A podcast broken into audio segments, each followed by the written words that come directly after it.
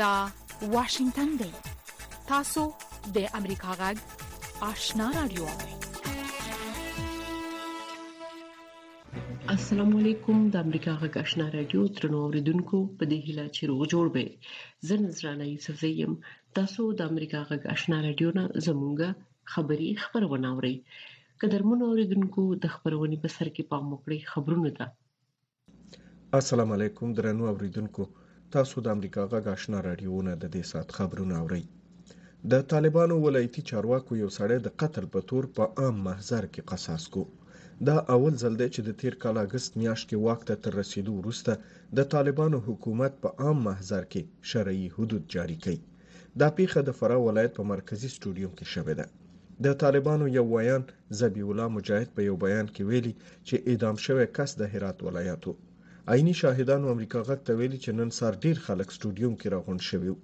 محلي راډیوګانو مکررا خبر ورکو چې خلک سټوډیوم ته لاړ شي او د شریعت د تطبیق او حدودو جاري کول وګوري. د اعلامیې له مخې په فراه ولایت کې د قصاص په یادو مراسمو کې د طالبانو د ریاست الوزرا د اقتصادي چارو مرستیال ملا عبدالغني برادر او د طالبانو د سترې محکمې د مشر مولوي عبدالحکیم حقاني ترڅنګ نورو جګپړو طالب چارواکو هم ګډون کړی و. د طالبانو د دفاع سرپرست وزیر مولوي محمد یعقوب مجاهد چې په عرب متحده اماراتو کې دی د سې شنبې په ورځ یې د افغانستان لپاره د امریکا د ځانګړي استازي ټام ویست سره په ابوظبي کې ولیدل د طالبانو د دفاع وزارت په یوه اعلامیه کې ویلي دواړو خواو د افغانستان په وضعیت خبرې کړي او ملا یعقوب د امریکا استازي ته ډاډ ورکړی چې د افغانستان له خاورې به په سیمه او نورې نړۍ کې هیڅ یو هیواد ته امنیتي خطر پیښ نشي خبر کې دام ویل شوی دی چې مولا یعقوب د استازي ویس ته ویلي دي چې نړۍ باید د افغانستان حاکمیت ته درناوی وکړي د امریکا ځانګړي استازي ټام ویست په افغانستان کې د تاوتریخوالي وروستۍ پیښې نه توجیه کیدونکي بللي دي او د بین الافغاني خبرو د پیلېدو پر ارزښت یې ټینګار کړی د طالبانو د معارف وزارت چارواکو خبر ورکړی چې د دولسم ټولګي نجونې به نن د چهارشنبې په ورځ ښوونځیو ته ورځي او فراغت کلنۍ ازموینې به ورکوي. د دې خبر نور تفصیل د نوشابې اشنا نه اورئ. دا نجونې د طالبانو واک ته رسیدلو نه وروسته ښوونځیو ته له تلو منع شوې وي او څلور سوه او څلور څلوېښت ورځې کېږي چې طالبانو د شپږم ټولګي نه پورته زده کوونکي ښوونځیو ته له تللو منع کړي. د طالبانو د معارف وزارت چارواکو تر اوسه دا نه دي څرګند کړي چې د 12م ټولګي زده کوونکي به په یو ورځ کې د ټولو مزامینو هو او نه پوښتنې څنګه ځوابوي نن سهار ډېر انجونې د لیسو شاوخوا لیدل کېدې چې د ازموینې لپاره ورغلې وي نوشا باشنا امریکا غاک واشنگتن د ملګرو ملتونو د ماشومانو تعلیمي ادارې یا یونسف خبر ورکړی چې په 2023 میلادي کال کې به په افغانستان کې 815 زره ماشومان د سخت وضعیت لامل ناروغ او رنځ وګالي یا د ادارې ویلي دوی په پام کې لري چې همدې شمیر ځواب پک یا د ادارې ویلي دوی په پام کې لري چې همدې شمیر خوارزواکو ماشومانو ته تغذیه او درملنه پیل کړي په همدې وضعیت کې د بشري مرستو د همغږۍ ادارې یا اوچا ویلي په افغانستان کې د بشري مرستو اړتیا هر ورځ زیاتیږي د اوچا مؤسسې ویلي اوس وخت 10 میلیون خلک خواړه نه لري او 21 میلیون یې بیړنیو مرستو ته اړ دي دوی ټینګار کړی دی چې په خپل وخت کې مرسته کول د خلکو د ژغورلو لپاره مهم دي د اولمپیک نړیوال کمیټې د سې شنبې پر ورځ خبرداري ورکړه چې د طالبانو په واکمنۍ کې که ښځې د سپورت کولو اجازه ونه لري، کېدای شي دا بنسټ د دوه زره څلېرویشتم میلادي کال د اولمپیک مخکې افغانستان سره همکاري بنده کړي. د اولمپیک نړیوالې کمېټې ویلي دي چې د افغانستان د اولمپیک د ملي کمېټې سره به د هغوی ملاتړ په خوندي او پراخ شکل ښځو ته د سپورت کولو د اجازې او په سپورتي چارو کې د هغوی د ونډې اخستلو په ګډون په شرطونو پورې اړه ولري. په نړیوالو ورزشي سیالیو کې د افغانستان ټیمونه باید په بهر کې د میشتو افغان ورزشکارانو په ګډون هغه ښځینه ورزشکارانې هم ولري چې په افغانستان کې ژوند کوي. بخانو تاسو د امریکا غږ آشنا رادیوونه د افغانستان سیمې او نړۍ خبرونه اورئ د امریکا په جورجیا ایالت کې د سنا مجلس د څوکۍ ګټلو لپاره په یوې سختې سیالۍ کې د دیموکرات ګوند غړي رافایل وارناک خپل جمهوریت غوښتونکي سیال هرشل واکر ته ماتې ورکړې او د جورجیا ایالت په استازیتوب د سنا مجلس غړیتوب یې خپل کړی دی. رافایل وارنوک او هرشل واکر دواړه په دې ونه توانېدل چې په نومبر میاشت کې د منځمهاله ټاکنو په وخت کې د 50 فیصدو اکثریت ترلاسه کړي او د دواړو کاندیدانو ترمنځ ټاکنې بل پړاو ته وځنډېدلې. خو پرون د سې شنبې پر ورځ په دغه دویم پړاو ټاکنو کې دیموکراتانو وکړای شو چې په سنا مجلس کې یو پنځوس څوکۍ ترلاسه کړي. پاتې نهه څلوېښت نورې څوکۍ د جمهوري غوښتونکو سره دي د چین جمهور رئیس شي جین پینګ نن چهارشنبه د درې ورځني سفر په هدف سعودي عربستان ته تللی ویل شوي چې په دې سفر کې به د نورو موضوعاتو ترڅنګ په انرژۍ د سیمې له مشرانو سره خبرې وکړي د سعودي عربستان دولتي رسنۍ ویلي د چین جمهور رئیس به په دې درې ورځني سفر کې د سعودي عربستان د پاچا ملک سلمان او ولیعهد محمد بن سلمان سره په دوه اړخیزو لیدنو ترڅنګ د خلیج د همکاریو شورا په غونډه کې هم ګډون وکړي د ستمه هم کیږي چې د تیلو مارکیټونه به د چین او سعودي عربستان د مشرانو ترمنځ د بحثونو مهمه اجنډا وي په خاص ډول په بازارونو کې هغه تحولات چې په فبرवरी میاشت کې پر اوکرين د روسیې د برید وروسته رامنځته شوې دي او نن د جرمني په ډیرو خارونو کې په زورګونو پولیسو تلاشي وکړي او کینارخه سختريزه فعالان یې نیول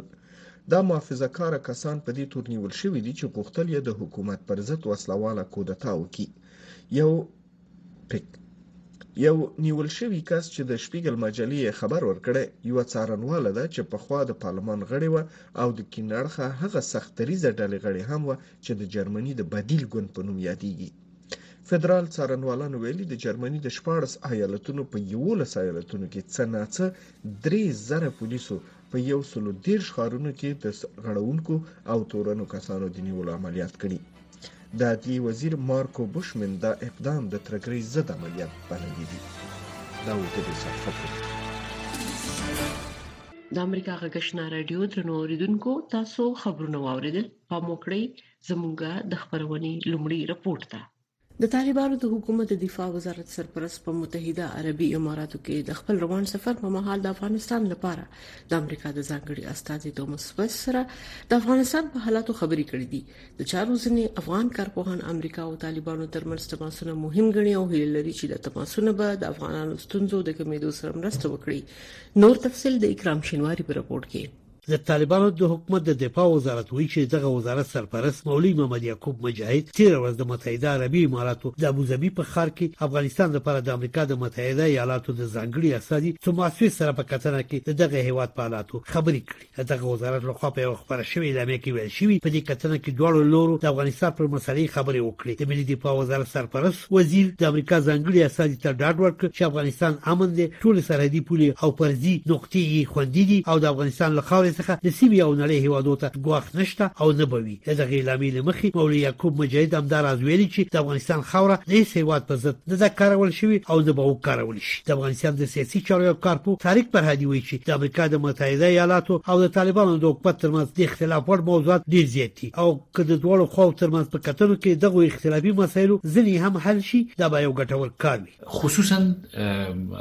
مسایل اقتصادي خغلی فرهادي ویل په ځانګړي ډول اقتصادي مسایل چې ګټه د افغانستان ټولو خلکو ته رسیږي ځکه چې د افغانانو اقتصاد یو بحراني حالت ته داخل شوی که په دې اړه ځینې مسایل حل شي د کتنې به ډېرې ګټورې وي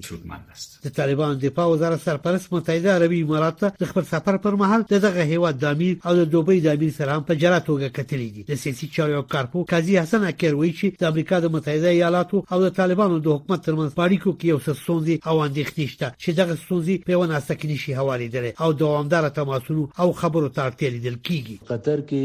چې تېره میاشت د امارت او د امریکا ترمنځ ناسته ترسره شوه، هغه هم ګټوره وه. اوس چې په دوبۍ کې د افغانستان د دفاع د وزیر ملا یعقوب او تام ویست ترمنځ ناسته ترسره شوه، دا هم ګټوره ده. ملا یعقوب ځوان رهبر او د پراخ فکر خاوند ده، د امارت د ځوانو مشرانو سره ناسته دا ډېره ګټوره وي. افغانستان لپاره د امریکا ځانګړي استازي تر اوسه د دغې کتنې په هکله څه نه دي ویلي. د طالبانو د حکومت د دفاع وزارت د اعلامی پر اساس دا کتنه په ابوظبي کې شوې ده د مخه طالبانو او امریکایي چارواکو ترمنځ دغه سکتنې د قطر په پایتخت دوحه کې کېدلې د نړیوالو اړیکو یو افغان کارپو سنگر امیرزاده وایي چې متحده عربي امارات د سعودي عربستان د یو نږدې ملګري په توګه هڅه کوي چې د افغانستان په مسلو کې ښکیل پاتې او د دغه هیواد په سیاست کې یو رول ولري د نړیوالو اړیکو دا کارپوهي چې د افغانستان د وضعیت په اړه هم نړۍ او هم د سیمې هیوادونه اندېښنې لري چې باید دا اندېښنې هوارې شي درسې د طالبانو د دفاع وزیر خغلی یعقوب صاحب دا خبره وکړه چې د هیواد نه بهر موږ چاته اجازه نه ورکو چې د نور هیوادونو په داخلي چارو کې یا په دوی باندې حمله وشي دا مونږ هغه یو اجمن یو نو طبعا بیني ټولنې خپل هغه لري خپل تشویشونه لري په ظاهر شکل خو بل شکل بل مسل جوتیږي اما په باطنی شکل باندې استخباراتي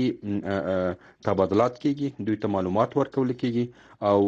هغه د سیم هم دنیا هم موږ د سیمې هیوادونه تشویش لري او دغه تشویش باید ورته رفع شي څنګه ربیب زادوي تر څو چې په افغانستان کې امنیتي ستونزو په اړه د نړۍ او سیمې د هیوادونو اندېښنې نه وي هوارې شوي د فکر کې چې د طالبانو اسلامي امارت په رسمیت پیژندل به ژر ممکن نه وي طالبانو د تیر 2020 میلادي کال د اگست په 15مه یو ځل بیا په افغانستان کې واک ترلاسه کړي خو تر اوسه هیڅ یو هیواد هم د طالبانو په رسمیت نه دی پیژندل طالبانو د افغانستان له دننه د امریکا غاټ رادیوي خبرونه درولې دي خو تر دې وروسته امریکا غاټ په پوره ژمنتیا خپل افغان اوریدونکو ته په پښتو او دری ژبه د کره باوري او هررخیزو خبرونو په خبرولو د افغانستان له بهره پر منځنوي ټاپو 902 کیلو هرتز خپل خبرونه ته دوام ورکړئ په افغانستان کې د 12م ټولګي جنو زده کوونکو د فراغت ازموینه ورکړه طالبانو د تیر کال اگست میاشتې راهیسې واک ته د رسیدو وروسته د جنو ښوونځي بند کړو ښوونکي او زده کوونکي د نن چهارشنبه د ازموینو راځي نه دي نور جزئیات د نوشابه آشنا په دې رپورت کې اوري د طالبانو حکومت د پوهنې وزارت نن چهارشنبه په ټول افغانستان کې د 12مو ټولګیو لنجونو زکونکو نه د فراغت ازموینه واخیستله د ازموینې یو غډونواله وی د خپل مطالعه د دورې تر ټولو سخت ازموینه تیر کړه من سره د پکتیا ولایت اوسیدونکي هم تقریبا د دوه دوه نیم کال کېږي چې ما هیڅ کله درس نه دی لیدلی چې اوس کله درس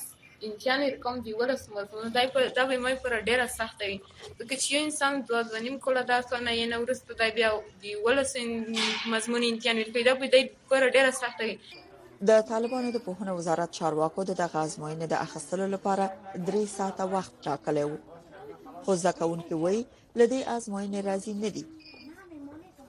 د دوی په وینا، د دغو اوولسو مضمونونو لپاره یې په ټول کال کې نه ښوونکی درلود او نه د را امکانات مهلت آمادگی که برای امتحان به ما داده شد خیلی یک مهلت کمی بود و امروز ما به خاطر امتحان آماده بودیم امتحان دادیم و امی وقت امتحانی که به ما داده خیلی یک وقت کمی په دې ازموینه کې د دولسم ټولګي د ټولو مضامینو اړوند یو سل څلويخت پوښتنې ورکړل شوې وي چې د هو او نه ځواب باید ورکړل شوی وای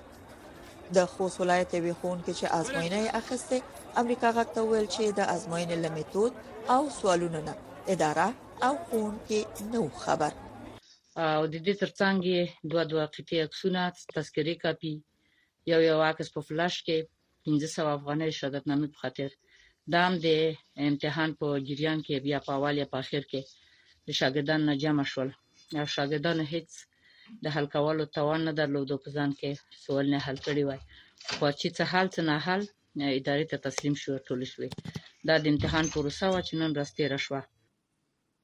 د طالبانو د پوهنې وزارت ویلي چې سږکال د اووم ټولګي نه تر دولسم ټولګي پورې زده کوونکو ته د یو کال ارتقا ورکول کیږي خو ښوونکي دا ډول ارتقا معیاري نه ګڼي په داسې حال کې چې زده کوونکي د کال په اوږدو کې په کور کې ناستې وي او مخکې له مخکې د ازموین لپاره کوم تیاری هم نه درلود نو زه په مسلکي توګه د ازموینې ته هیڅ خوشبینه نه یم او فکر کوم چې د دې په ځای چې زده کوونکو په علمي سطح په لوړولو کې مرسته وکړي یوازې هغوی ته د امتحان سترس ورکوي اینا بدون کدام آمادگی هر کدام از اینا که آگاهی پیدا کردن که امروز امتحان دارن شوک زده شده و اینا آمادگی گرفتن و به طرف مکاتب آمدن و امتحان خود سپری کردن که غیر قابل باور است فکر نکنن یک نتیجه مثبت از امتحان بگیرن و یا موثر خواهد بود برای جوانای امروز و من به نیست یک استاد هیچ آرزوی که یک امتحان را نداشتم که همچه یک امتحان غیر قابل باور غیر قابل پیش بینی شده شاگردان حفظ بگردد و حفظ گردید ټاکل شوې چې د افغانستان د نجونو، میرمنو او بشري حقوقو لپاره د امریکا ځانګړې استازې رینا امیري په روانه میاشت کې د افغان جونو د پوهنې د ملاتړ لپاره انډونیزیا، سویټزرلند او ترکیه ته لاړه شي. نوموړې به په انډونیزیا کې د افغان جونو د تعلیمي حقوقو په یو غونډه کې چې د انډونیزیا او قطر لخوا جوړیږي ګډون وکړي. دا نړیواله غونډه په داسې وخت کې جوړیږي چې د څه باندې یو کال را پدې خو چې د طالبانو ډله په افغانستان کې واک ته رسیدلې لا هم د جنونو لپاره تر شپږم ټولګي پورته خونځي نه دی پرانستل شوی طالبانو د افغانستان له دننه د امریکا غاک رادیوي خبرونه درولې دي خو تاسو کولای شئ زموږ پښتو خبرونه پر لاندو صفحو هم واورئ پښتو سهارنۍ خبری خبرونه پر 2290 صفحو اوریدل شئ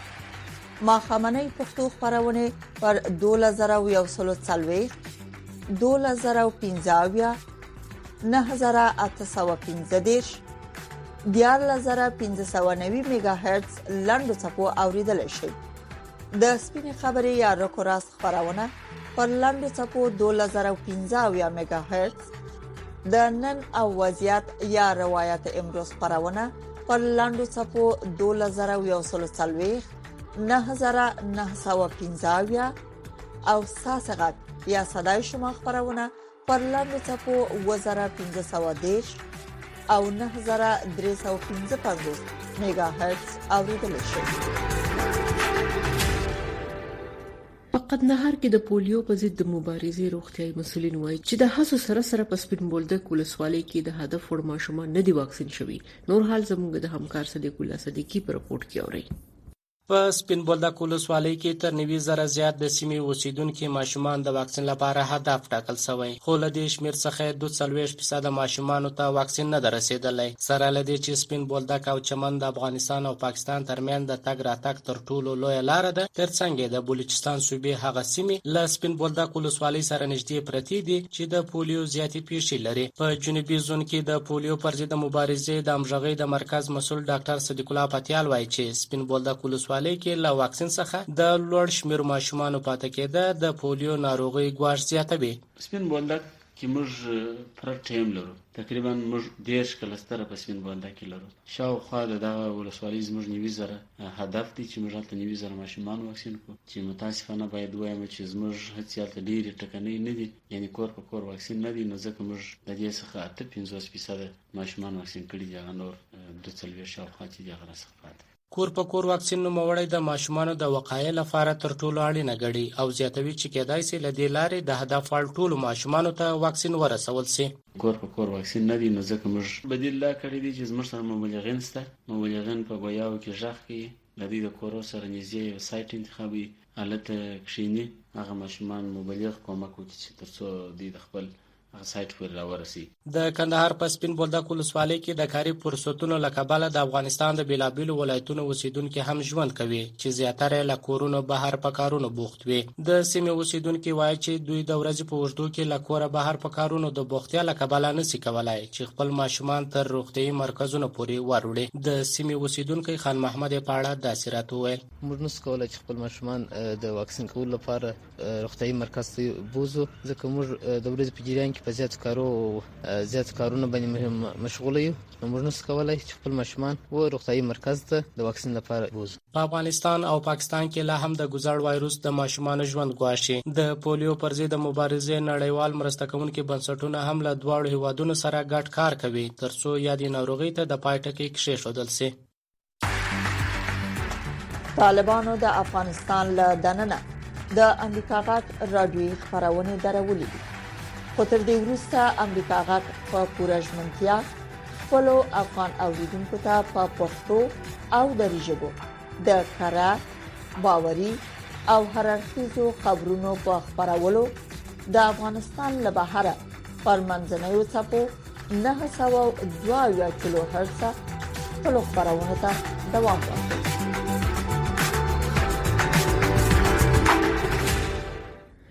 طالبان وایي چې د دوی د مشر د لوري په کوکنار د بندیز وروسته د تریاکو به لوړې شوي او قاچاقبران هڅه کوي چې نشي توکي په بازار کې وپلوري په کابل کې د طالبانو د حکومت د نشي توکو سره د مبارزې مسولینو ویلي چې تیر یو اونۍ کې یو اندازه نشي توکي د تورونو سره یو ځای نیولې دي د طالبانو امنیتي مسولین وایي چې په تیرې وونه کې د کابل په دویمه دریمه ولسمه اتمه شپاړسمه او دولسمه حوزو کې 14 عملیاتونه کړې دي او په ترڅ کې د نشي توکو د 14 شکمنو قاچاقبرانو څخه 11 کیلوګرام تریاک چرس، یوه اندازه ټابلټکا ګولۍ او شیشې نیولې دي. د دوهم یوځای، درېیمې، یولسمې، شپاړسمې، اوولسمې، دولسمې او اتمې حوزې په مربوطاتو کې د څوارلس مضمیني او درې ارادې موټر او نهه کیلو پنځوس ګرامه چرس، یوولس کیلو تریاک او څه ټابلټکې څه شیشه د قاچاقبرانو لاس په لاس نیولي او دوسیې تکمیل او مربوطه ارګان ته سپارل شوي. د کابل امنیه قوماندانۍ د نشه یي توکو سره د مبارزې مسول عبدالله عزیزي وایي، مارکیټ کې د نشه یي توکو د کمښت او د بیو د لوړوالي له کبله قاچاق او قاچاقبران زیات شوي دي خو دوی هڅه کوي چې د دې توکو د بیا خپرېدو مخه ونیسي. په همدې حال کې د کابل ښاریان بیا وايي چې د نشه يي توکو قاچاق په ټول افغانستان کې زیات شوی دی او هڅه کېږي تر څو یې خلکو ته ور ورسوي. عوامل شمی است که قاچاقبرا گیر میشن شاید پس تلاش و که زیاد شده میره و یا از این معلوم میشه که کشتش بند نشده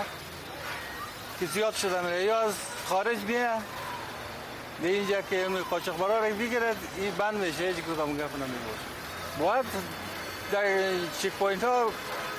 کوشش کنن که گیر کنندش و امی های را گیر کرده یا ریلا نکنه دغه پخوانی چارواکي چې کوم یو چې دا ډیپوګانې د مواد مخدر جوړ کړي اوس خو الحمدلله ډیر کم شوي دي د دولت په کار شروع کړی دی او بل خاصه نقطه چې دا باید دنه په خار کې کوم چک پوسټونه چې دي هغه باید ډیر په دې خپل وظیفه کې جدي اوسي او هغه خپل مسولیتونه وګوري دغه شان ته ډیر کوشش وکړي چې د منځه ویسي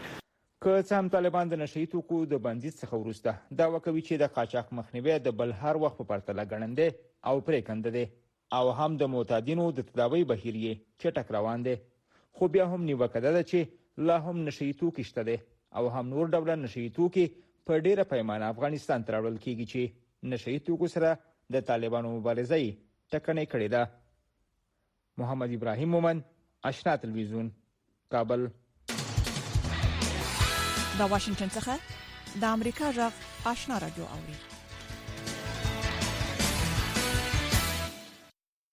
د پولیو قرباني ابراهیم اوس نږدې د شکلن دی او د لیسانس د کړې په بشپړېدو دی خو د بل مرستې پرته د ژوند چارې ناشونې دي په موږ یې زموږ د همکار ابو بکر دی رپورټ ده د ګوزڼ ناروغۍ له امله نورو ته اړ ابراهیم اوس خواوشا دېرش کلن دی. د امریکا غږ سره په خبرو کې وایي، دوه کلن و چې ګوزڼ وواهه او له هغې وروسته یې ژوند له کړاوه ډک دی. په خبره یې کورنۍ ورته پر وخت د پولیو واکسین نه دي تطبیق کړي چې له امله یې اوس معلول دی. دی وایي، له هغې ورځې چې ګوزڼ وهلی د نورو محتاج ژوند تېروي او ښونځی یې هم داسې لوستی چې د کورنۍ نورو غړو به تر ښونځي رساوه. لومړی کې خو مشکلات دا چې ماشوم ما ماشوم خو ګرځیده غواړي زه ګرځیدل نه شوم جګیدل نه شوم ټیدل نه شوم مور سره په پازاب و هغه نه ورسته به په ډیر دم دوا او دوی او یو څو بل څه خو شیم پیدا ونه کړل به تیم راغی چې لغړ شوم د مکتب دوره مې شولا چې مکتب کې ځان داخل کړم مکتب دورم ډیره سخته د ابراهیم په خبره هغه کارونه چې روغ خلک یې په یوازې ځان کوي یو معلول کس یې نشي کولی ځکه معلول کس نشي کولی چې په یوازې ځان ان له کوره هم بهر شي. زموږ د خپو د وجې ډېر کارونه دي چې هغه زموږ نه پاتې دي ځکه چې موږ بل له محتاج یو که موږ سره دویم کس نه چې یا سره سیکل دي کوي یا هم د یو ځای نه بل ځای له انتقال کی هغه کار چې ځان لکیږي او اوس موږ دوه کسانو باندې کوو او ژوند سخت دی نو معلولیت ژوند دی سخت دی په دغه په پرتله باندې چې څوک په صحت جوړي په هر یو شي کې کورنۍ له محتاج یم بغیر د کورنۍ څه هم نشم کولی. ابراهیم چې کلونه یې د ګوزڼ له امله د نورو په همکارۍ ژوند کړی وايي، اوس د حقوقو پوهنځي په درېیم صنف کې دی. یې د خپلې ناروغۍ له امله زده کړې خوشې کړي خو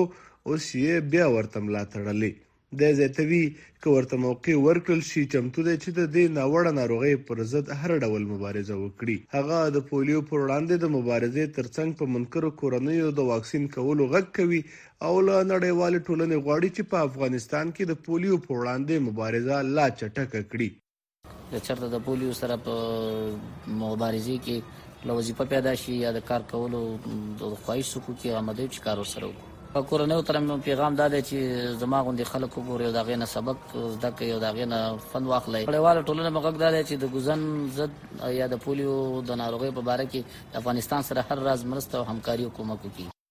مومند له شته حکومت او نړیوالو ادرسونو غواړي چې معلول ته دې هم لکه د روغو خلکو غونتې دندې ورکړي، ځکه ګڼو یې لوړې زده کړې کړي. دی وايي چې که ورته د کار زمینه برابره شي، د ټولنې له اوږو به یې د پالنې بار کم شي او په خپل لاس ګټلې به وخوري. هغه وروڼه او هغه وګړي چې معلول دي او معلول شوي دي، هغو سره د دولت په ادانه کې موله وظیفه ورکړي او دا فرق یې ونه کړي چې روغ یو کس کار کولی شي او ناروغ یې نه شي کولی. موږ صرف معلول یو موږ داسې دغه نه یو تعلیم هم کړی دی او تکلیف یې هم ایستلی. دا یوازې ابراهیم نه دی چې د ګوزڼ واکسین نه تطبیق له امله یې ژوند نیمګړی دی، ګڼ نور داسې خلک هم په افغاني ټولنه کې شته چې یوازې د دوه څاڅکي واکسین د نه کېدو له امله د ټول عمر معلول دی او رنځ وړي.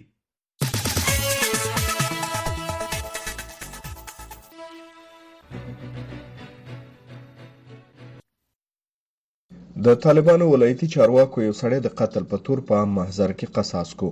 دا اول ځل دی چې د تېر کال اګست میاشت کې واک ته تر رسېدو وروسته د طالبانو حکومت په عام محضر کې شرعي حدود جاري کوي. دا پېښه د فراه ولایت په مرکزي سټوډیوم کې شوې.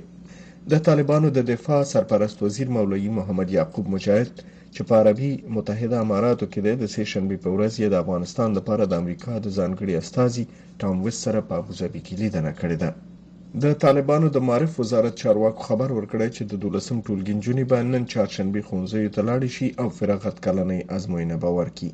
د ملګرو ملتونو د ماشومانو تعلیمي ادارې یا یونیسف خبر ورکړی چې په دوه زره درویشتم میلادي کال کې به په افغانستان کې اته سوه پنځه اویا زره ماشومان د سخت وضعیت له امله ناروغ او رنځ وکالي.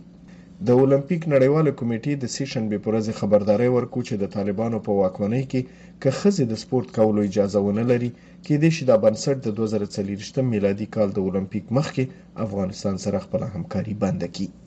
او په نړیوالو خبرونو کې د امریکا په جورجیا ایالت کې د سنا مجلس د څوکۍ ګټلو لپاره په یوې سختې سیالۍ کې د دیموکرات ګوند غړي رافایل وارناک خپل جمهوري غوښتونکي سیال هرشل واکر ته ماتې ورکړې او د جورجیا ایالت په استازیتوب به د سنا مجلس غړیتوب خپل کړي. د چین جمهور رئیس شي جین پینګ نن چهارشنبه د درې ورځني سفر په هدف سعودي عربستان ته رسېدلی. ویل شوي په دې سفر کې به د نورو موضوعاتو ترڅنګ په انرژۍ د سیمې د مشرانو سره خبرې هم وکړي. او نن د جرمني په ډېرو ښارونو کې په زرګونو پولیسو تلاشي وکړه او کیڼ اړخه سخت دریځه فعالان یې نیول. دا محافظه کاره کسان په دې تور نیول شوي چې غوښتل یې د حکومت پر ضد وسله واله کودتا وکړي.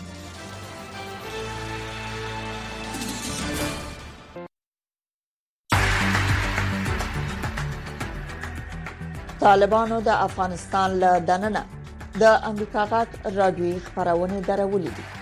خو تر دې وروسته امریکا غاک په پوره ژمنتیا خپل افغان اوریدونکو ته په پښتو او دری ژبو د کره باوري او هررخیزو خبرونو په خبرولو د افغانستان له بهره پر منځنوي چپو 902 کیلو هرتز خپل خبرونه ته دوام ورکړي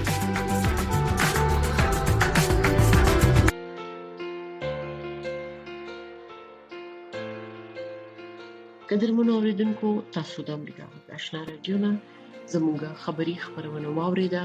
موږ تاسو نه په دې هیله اجازه غواړو چې خبرونه به اوریدلې وي د خدای په امان